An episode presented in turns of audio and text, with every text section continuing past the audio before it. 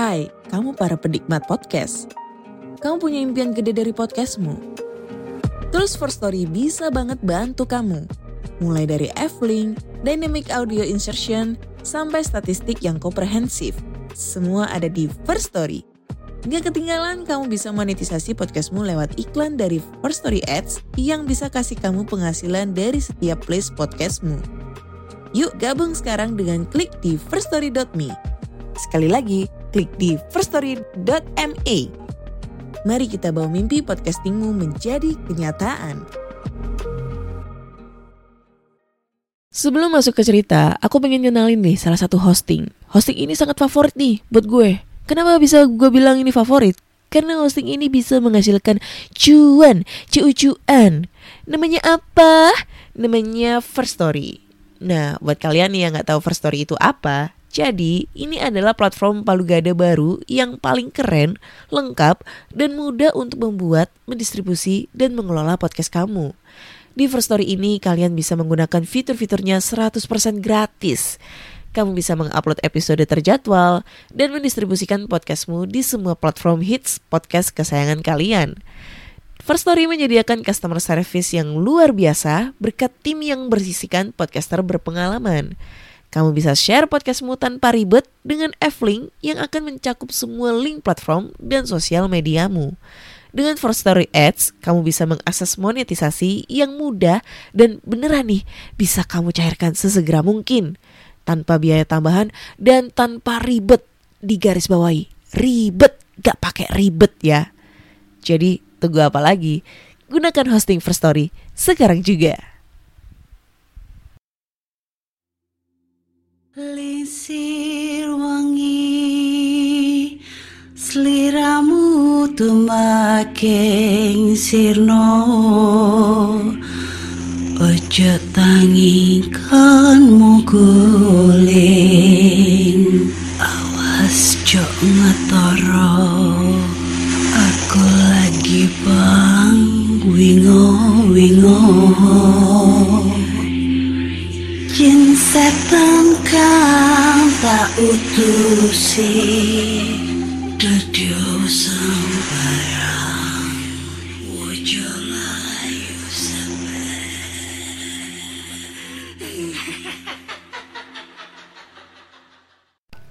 Hai Re, iya apa kabar?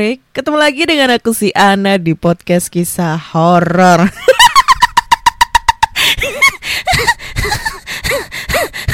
Kayak orang bengek ya.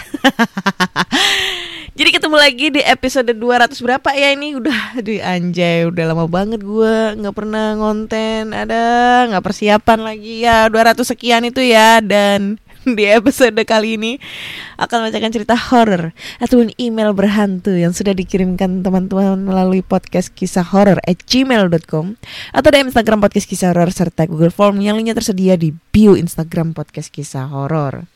Oke. Nah, kenapa gue lama banget nih gak update cerita ya? Ini Banyak banget yang udah protes ini ya. Karena kemarin itu gue lagi galau, galau dan galau. Galau masalah kerjaan, galau masalah asmara, galau masalah Ya banyak lah kayak gitu. Jadi maaf ya kalau misalnya Ana udah mulai jarang banget nih update. Tapi Ana lagi berusaha gimana caranya uh, Gue bakal selalu update cerita terbaru dan selalu menemani kalian di malam Selasa, Kamis dan Sabtu ya. Gua harus semangat gitu. Gak usah marah-marah, biasa aja kali. Marah-marah, nggak pernah uh, update cerita ya. Ya, ya, ya. Oke. Karena takut gua nanti digampar nih sama pendengar ya karena nggak update cerita terus terlalu banyak cincong gitu ya opening terlalu panjang gak penting banget. Mari kita bacakan cerita horor nih yang udah masuk. Banyak banget nih.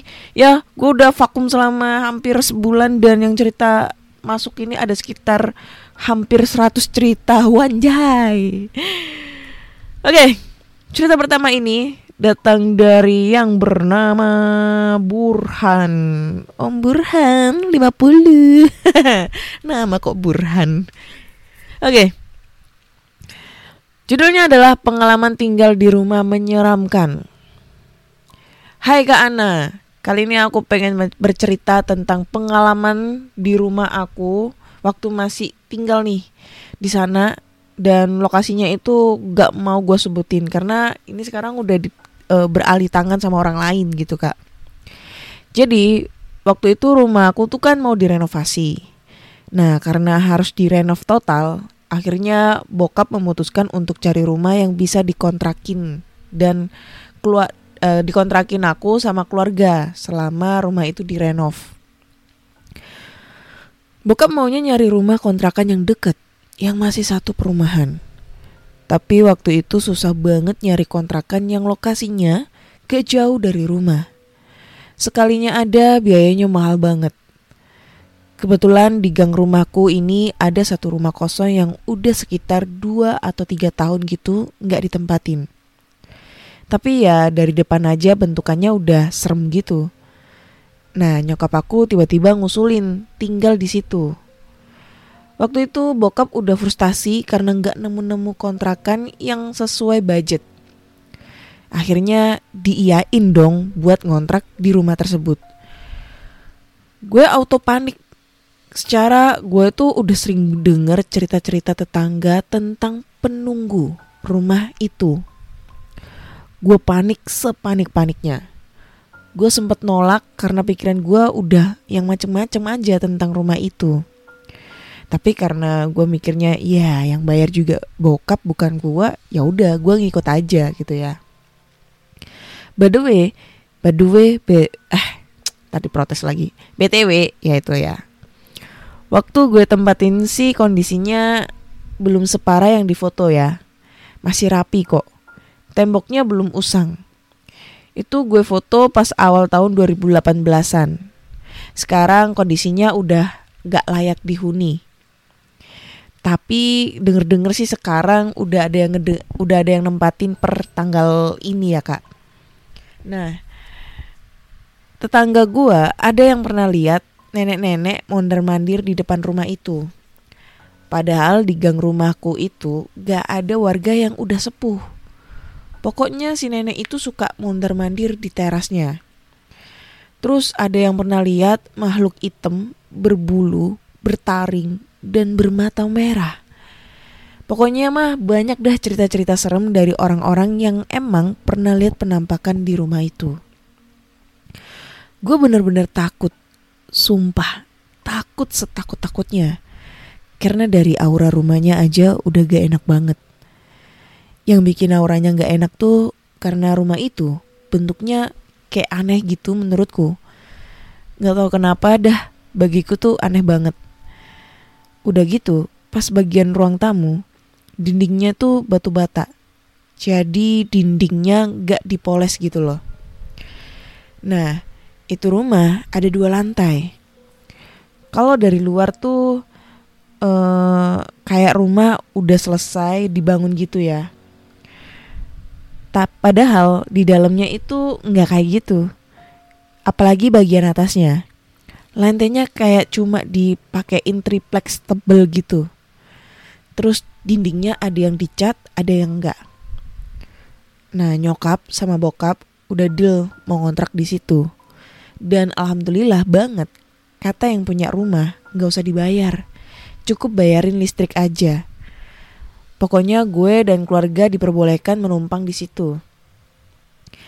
Tapi bokap tahu diri lah. Pas udah selesai ngontrak, tetap ngasih duit. Gue dalam hati masih menolak karena jujur aja gue tuh dulu penakut banget. Gue udah ketakutan ditampakin aja. Soalnya gue lumayan sensitif sama makhluk-makhluk kayak mereka dalam tanda kutip.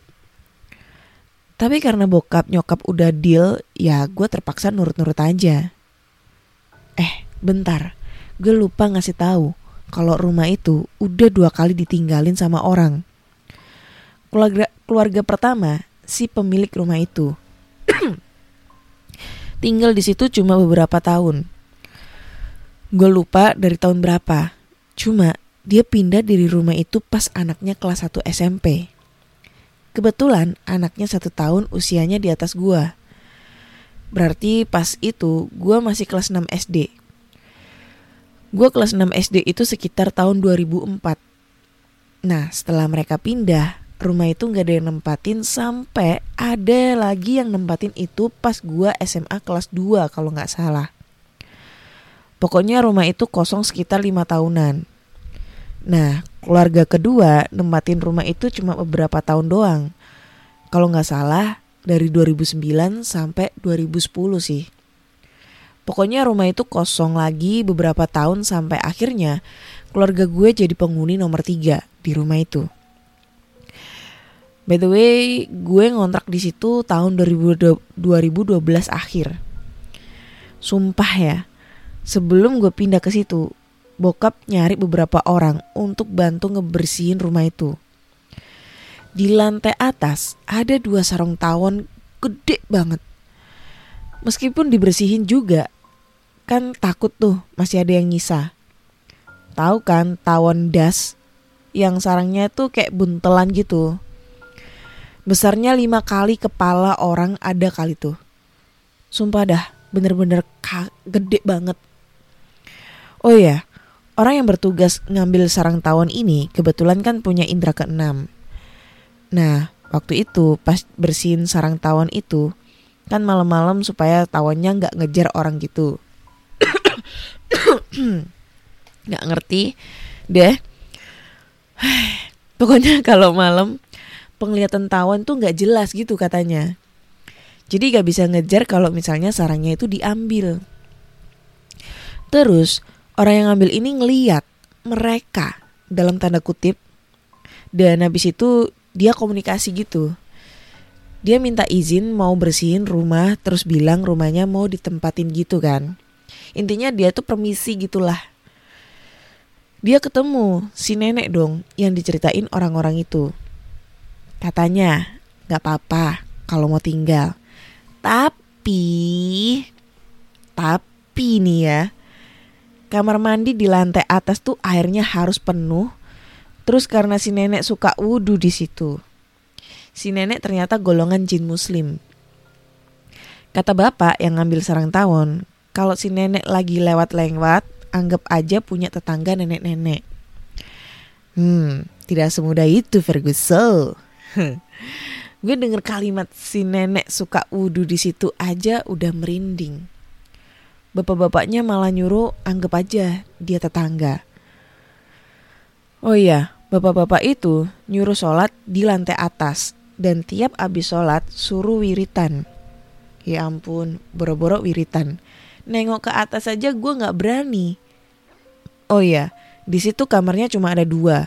Di atas di atas satu, di bawah satu. Di atas pokoknya dikhususkan untuk naruh-naruh barang plus kandang ku kandang kucing. Kamar yang di atas pun penuh sama barang-barang doang. Sedangkan gue sekeluarga tidur di kamar bawah rame-rame. Hari pertama tinggal di situ rasanya campur aduk. Yang gue pikirin cuma gimana caranya gue harus bisa cepet tidur. Karena hal yang paling gue takutin adalah takut seisi rumah udah pada tidur dan gue sendiri yang masih melek gue takut ngelihat mereka. Gue waktu itu orangnya penakut banget. Tapi pas hari pertama tinggal di rumah itu rasa takutnya kayak dua kali lipat. Bener-bener yang ketakutan banget. Sampai akhirnya ada kejadian yang bikin deg-degan. Hari pertama tuh lampu kamar mandi bawah tiba-tiba kayak meledak gitu. Dar! Terus pecah Padahal masang lampu itu baru. Lampu yang dipasang di tempat lain tuh bi aja gitu kan. Nggak kenapa-napa. Padahal beli lampunya itu bersamaan dan dengan merek yang sama pula. Tapi gue berusaha positive thinking. Mungkin emang konslet dari sananya. Mungkin juga gue pas dapat barang rusak. Lampu itu tuh pas meledak sampai ada suaranya gitu lalu bolamnya pecah. Dan kita yang lagi duduk-duduk di ruang depan seketika bengong. Antara takut, tapi tetap usaha positif thinking dan ngeberaniin diri. Padahal di otak mah kepikiran yang enggak-enggak. Itu lampu meledak pas masih sore jam 5an gitu. Ketakutan gue yang pernah gue bayangin sebelumnya menjadi kenyataan. Di saat seisi rumah tidur, gue malah melek nggak ngantuk sama sekali. Gak bisa tidur, sumpah. Gue ngedenger suara kayak rame-rame gitu. Gak tahu apaan, pokoknya gue ngerasa rame dan sumpek banget di situ. Gue tidur paling pojok deket tembok. Nah, pintu kamar itu sejajar sama tembok di sebelah kanan kasur gue. Karena tuh kamar kalau ditidurin berempat sempit, bokap gue milih tidur di ruang TV. Akhirnya gue bertiga sama nyokap dan adik di kamar. Terus gue tuh kan gak merem-merem ya. Tiba-tiba gue ngeliat ada yang lewat sekelebat. Kelihatan dari pintu gitu sekelebatan warna hitam. Auto panik dong gue. Gue mikir itu yang gue lihat apaan. Sementara bokap gue tuh suara ngoroknya kedengeran banget. Berarti kan dia lagi tidur. Gue baca-baca ayat kursi, al-fatihah, apalah segala macam sambil ngumpet di balik selimut keringet dingin. Habis itu suara kayak rame-rame itu juga masih gue denger. Pokoknya gue masih stay melek di balik selimut sambil baca-baca doa. Sampai akhirnya azan subuh gue baru tidur. Hari berikutnya sampai seterusnya yang lewat-lewat kelebatan tuh makin banyak, tapi gue jadi terbiasa. Alhamdulillahnya gue gak pernah lihat yang wujudnya jelas gitu. Hanya sekelebat-sekelebat aja. Makanya akhirnya terbiasa. Tapi pada suatu hari, bokap gue kan dinas keluar kota selama tiga hari. Paniklah gue karena bakalan, ti bakalan tinggal bertiga doang di rumah itu. Nah, pola tidur gua yang awal-awalnya subuh baru tidur kan udah mulai berubah. Jadi semenjak gua terbiasa melihat yang lewat-lewat gitu, gua mulai bisa tidur cepet. Nah, tumben-tumbenan pas di hari bokap gua dinas luar, gua nggak bisa tidur tuh. Mata seger bener. Gua akhirnya dengerin musik aja tuh, sambil ada sedikit rasa khawatir karena tiba-tiba hawanya panas. Bener aja, Pas udah mulai ngerasa gak enak, tiba-tiba pandangan gue ngarah ke arah tangga. Tiba-tiba ada yang loncat dari atas tangga ke lantai bawah. Warnanya hitam, badannya gede, tangannya kayak panjang ke lantai gitu. Auto gak bisa gerak. Tapi muka dia gak ngadep ke gue. Mukanya ngadep ke ruang TV. Gue gak bisa gerak, dan cuma bisa baca-baca doa dalam hati sampai akhirnya bisa narik selimut pelan-pelan. Itu pun selimut rasanya susah banget ditarik. Buset dah. Sumpah dah itu makhluk abis loncat malah jongkok dong. Terus diem aja di situ. Gue langsung narik selimut biar nggak lihat dia. Tapi pada saat itu gue juga takut. Tiba-tiba dia buka selimut gue. Akhirnya gue nangis gue bangunin gue mau bangunin nyokap gak bisa. Karena badan gue susah gerak. Kaku banget. Asli selama tinggal di situ itu doang sih yang paling serem. Kalau cuma sekelebat ya udahlah gue bi aja gitu.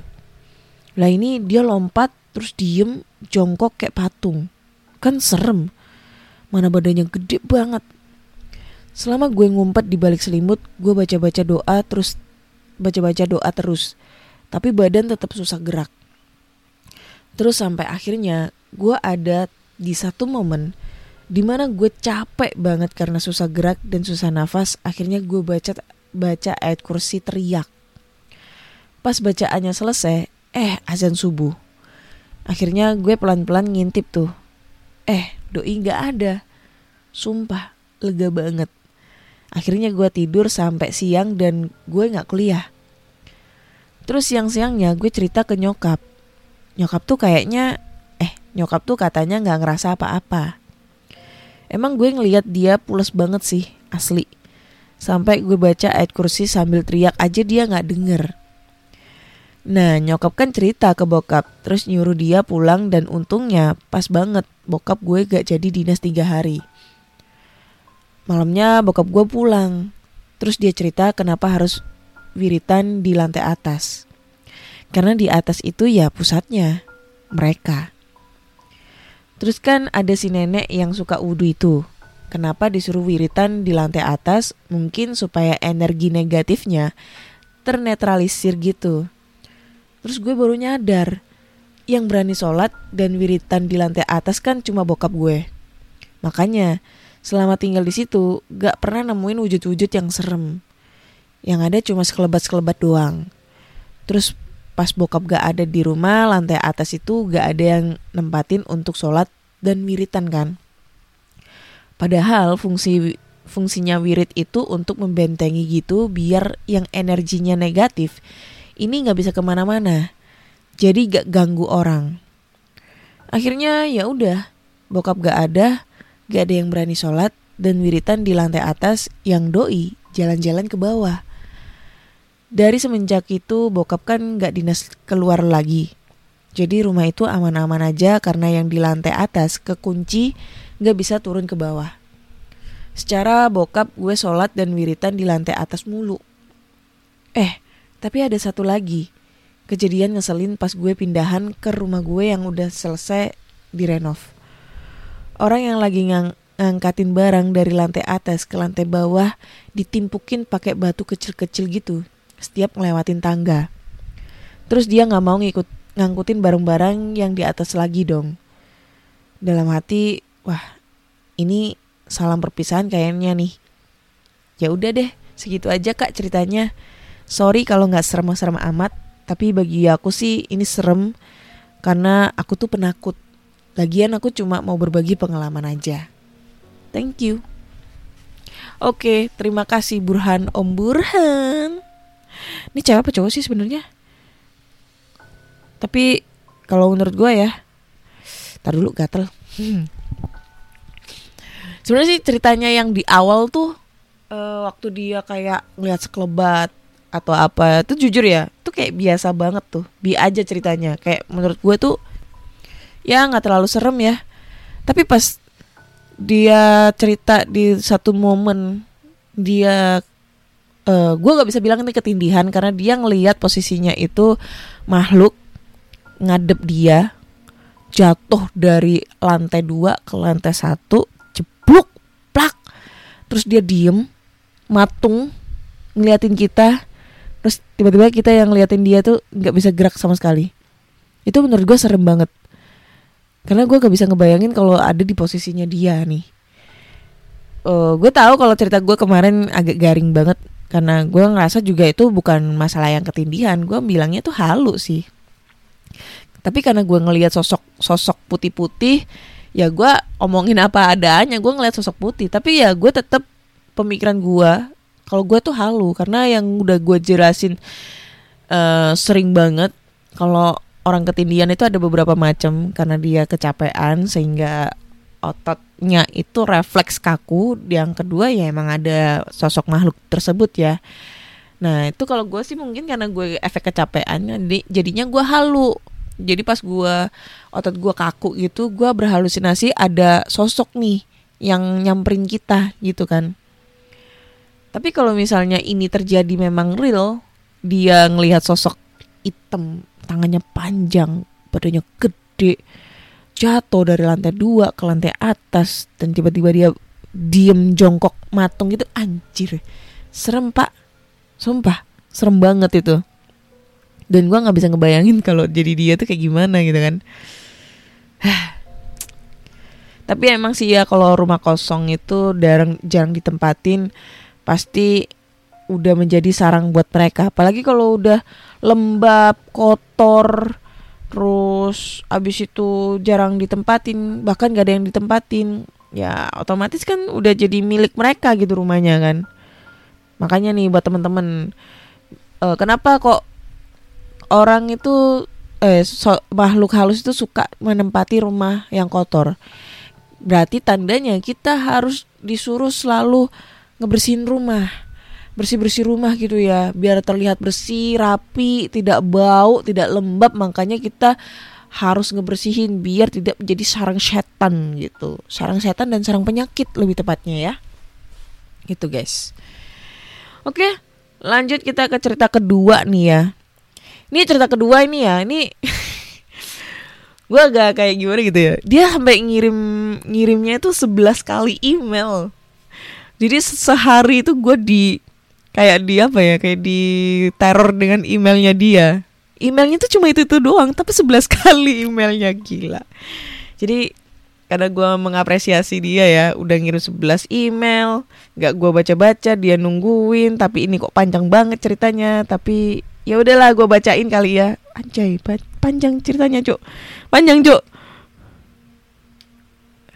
Panjang. Ah ini buat hari Sabtu aja deh ya maaf ya buat hari Sabtu aja deh. Panjang ceritanya. Cerita lu panjang. Lu harus menerima kenyataan ini.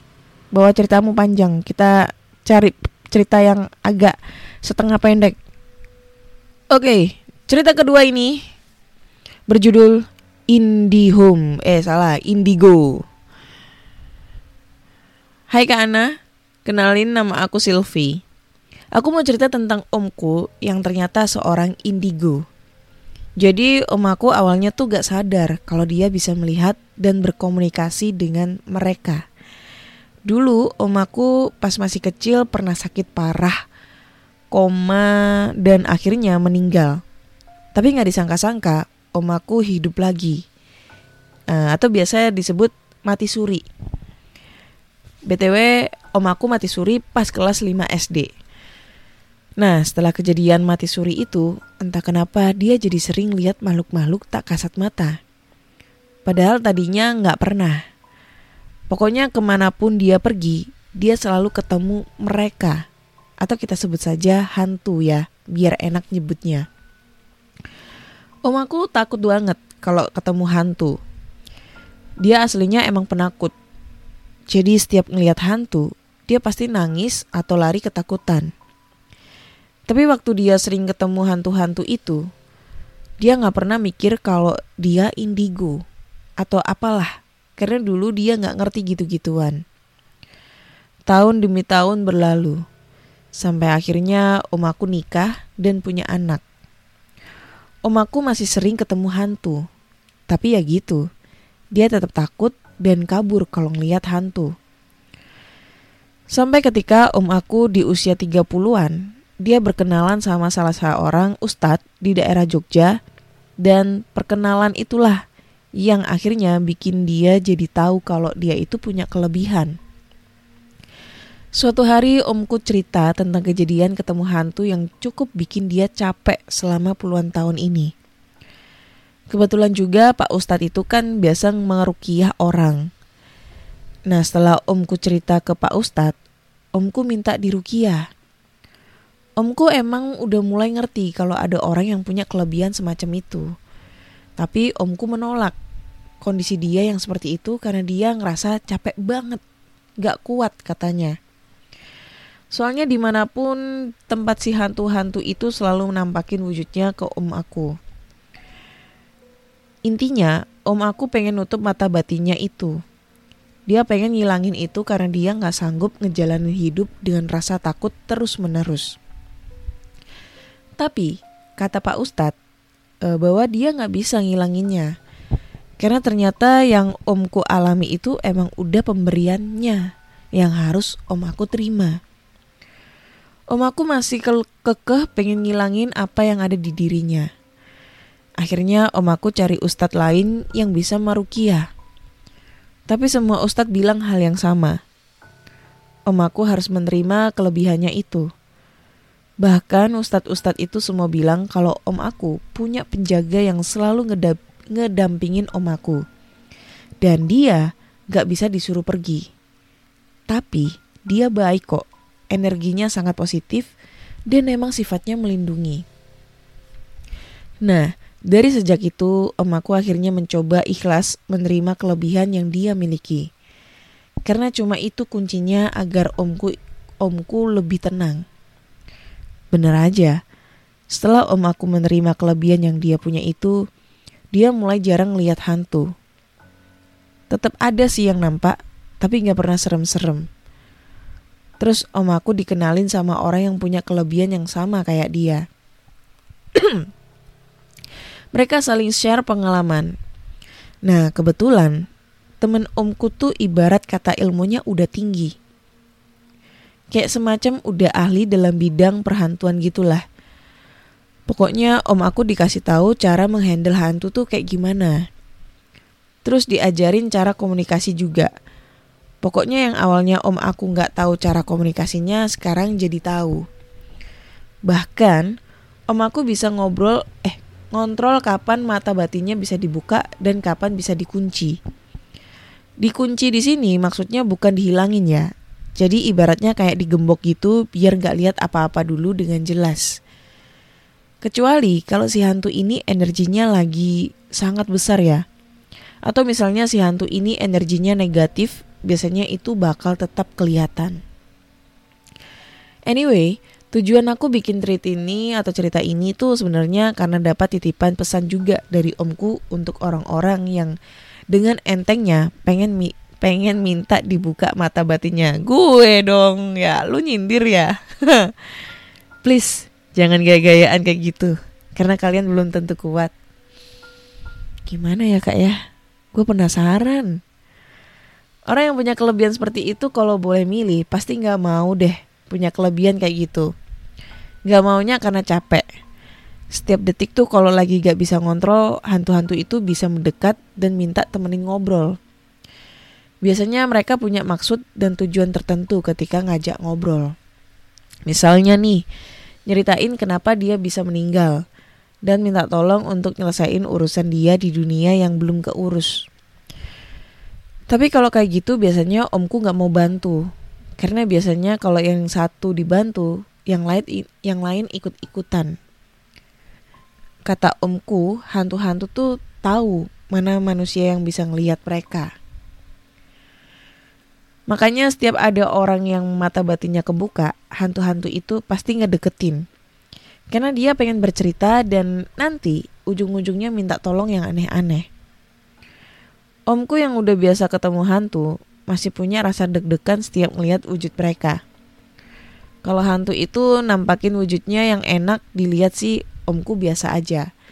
Tapi kalau wujudnya aneh-aneh, yang mukanya hancur lah, yang matanya keluar lah, udah deh, omku gak berani natap mereka. Pernah nih, ada kejadian nyeremin pas dia pulang kerja. BTW ini terjadi pas masih awal-awal dia baru nerima kelebihannya ya. Jadi ceritanya omku pulang kerja. Oh iya, omku kerja di kota Jogja dan rumahnya di Gunung Kidul. Ada yang ada yang tinggal di GK juga nggak? Tahu kan jalanan yang kanan kirinya pohon-pohon. Nah, ceritanya dia emang pulang agak malam karena lembur. Sekitar jam 10-an gitu, omku mengendarai motor menuju rumahnya. Di tengah jalan yang berbelok-belok, ada cewek yang nyetopin dia. Omku tahu itu hantu, tapi omku tetap berhenti menghampiri cewek itu. Maksudnya kan mau nanya, ngapain nyetopin dia? Karena omku tuh takut dia malah ngikut sampai rumah atau minta bonceng tapi ngeganggu dia pas lagi berkendara. Terus cewek itu diem. Kata omku, kenapa udah nyetopin malah diem aja? Eh, tiba-tiba dia balik badan dong. And you know what? Punggungnya bolong, penuh belatung dan darah. Ya, biasa biasa disebut sundel bolong. Pokoknya menjijikan banget, sumpah. Omku sampai mual-mual pas ngeliat wujud cewek itu. Cewek itu ketawa cekikikan dan omku langsung tancap gas. Sampai rumah dia muntah-muntah keinget punggung bolong tadi. Nah, kadang sifat hantu itu ada yang cuma pengen ngejailin, ya kayak gitu tadi, nampakin wujudnya yang menjijikan. Yang paling om aku was-was tuh kalau misalnya dia lagi bawa motor, tiba-tiba ada yang ikut bonceng tapi sambil ngeganggu. Soalnya takut ngebahayakan diri gitu. Pernah nih, om aku lagi nyari makan malam sama anak istrinya naik motor. Waktu itu anaknya masih TK. Ngelewatin jalan yang lumayan sepi dan kanan kirinya itu pohon-pohon gitu. Di tengah jalan, om aku ngomong, ehm, pakai bahasa Jawa. Intinya gini. Ngapain kamu ngikut-ngikut turun sana? Om aku sampai oleng gitu ngendarain motornya. Terus tanteku bilang, "Kamu kenapa sih, Mas? Nyetirnya yang bener dong." Dengan santai omku menjawab, "Ini ada yang ngikut duduk di depan, pegangan stang kenceng banget. Disuruh turun malah gak mau." Tanteku ketakutan dan minta omku untuk usir hantunya karena takut bikin celaka. Secara omku bawa motornya udah oleng gitu kan. Kata omku, dia nggak mau turun. Astagfirullahaladzim. Dia nggak mau turun. Terus akhirnya omku maksa ngelanjutin perjalanan sampai ke tempat makan. Dan sampai pulang ke rumah dengan posisi hantunya masih di motor. Sesampainya di rumah, omku nganter anak istrinya dan habis itu dia balik lagi ke tempat pertama kali si hantu itu ngikut. Omku ngebalikin hantunya tapi anehnya dia langsung nurut pas disuruh turun. Ternyata dia tadi cuma mau ikut jalan-jalan doang. Receh banget asli. Ada lagi nih kejadian pas omku lagi nginep di rumahku. Aku kan punya halaman belakang. Nah, kebetulan ada pohon pisang di halaman belakang rumahku. Om aku pas itu ke rumahku sendiri karena emang ada urusan kerjaan di Jakarta dan omku nginepnya di rumahku. Pas sekitar jam 9 malam, omku lagi santai di halaman belakang sambil ngerokok. Terus dia nelpon istrinya. Biasalah ya, kangen. Eh, pas lagi asik teleponan, tiba-tiba ada yang niup-niup lehernya gitu. Tahu nggak? Pas omku nengok, ada apaan? Pocong nyender di bahunya. Aku pas diceritain langsung kebayang-bayang bentuknya pocong nyender di bahu. Serem banget atulah. Mana di belakang rumahku lagi tempatnya. Omku ngeliat ke dia tapi sambil merem-merem gitu. Karena serem banget wujudnya. Terus omku nanya, ngapain niup-niup lehernya? Kata si pocong, dia cuma iseng dan pengen dengerin omku ngomong sama istrinya. Auto merinding dan sampai segini dulu deh kak ceritanya karena udah kepanjangan banget. Nggak tahu lagi mau ngomong apa, intinya aku udah nyampein pesen dari om aku. Pokoknya buat temen-temen podcast kisah horor dan Kak Ana nih yang katanya pengen minta dibukain mata batinnya udah gak usah gaya-gayaan. Wajay minta dibukain karena kalau kalian gak kuat mental kalian bisa keganggu. Percaya deh. Oh ya btw kak. Om aku ini penggemarnya podcast kisah horor loh. Makanya dia sampai tahu tuh kalau kak Ana pengen banget ngelihat setan. Makanya aku disuruh kirim cerita ini ke kak Ana sambil disuruh nasehatin supaya kak Ana nggak usah sok-sokan buat ngebukain mata batin. Anjay oh ya ada kelupaan Pocong tadi habis nyender di bahu om aku langsung pindah ke pohon pisang itu. Hmm. hmm ya, makasih ya. Makasih buat buat nasehat dari om kamu yang katanya nggak uh, usah gaya-gayaan akunya buka mata batin nanti nggak kuat biar aku aja gitu katanya ya. Ya ya ya ya ya ya. Ya. Aku terima nih nasihatnya. Thank you ya. Waduh omnya ini penggemar gua. Sayang banget nih udah nikah lagi omnya. Coba kalau belum nikah Selain Beo Ada gue om. Om Burhan 50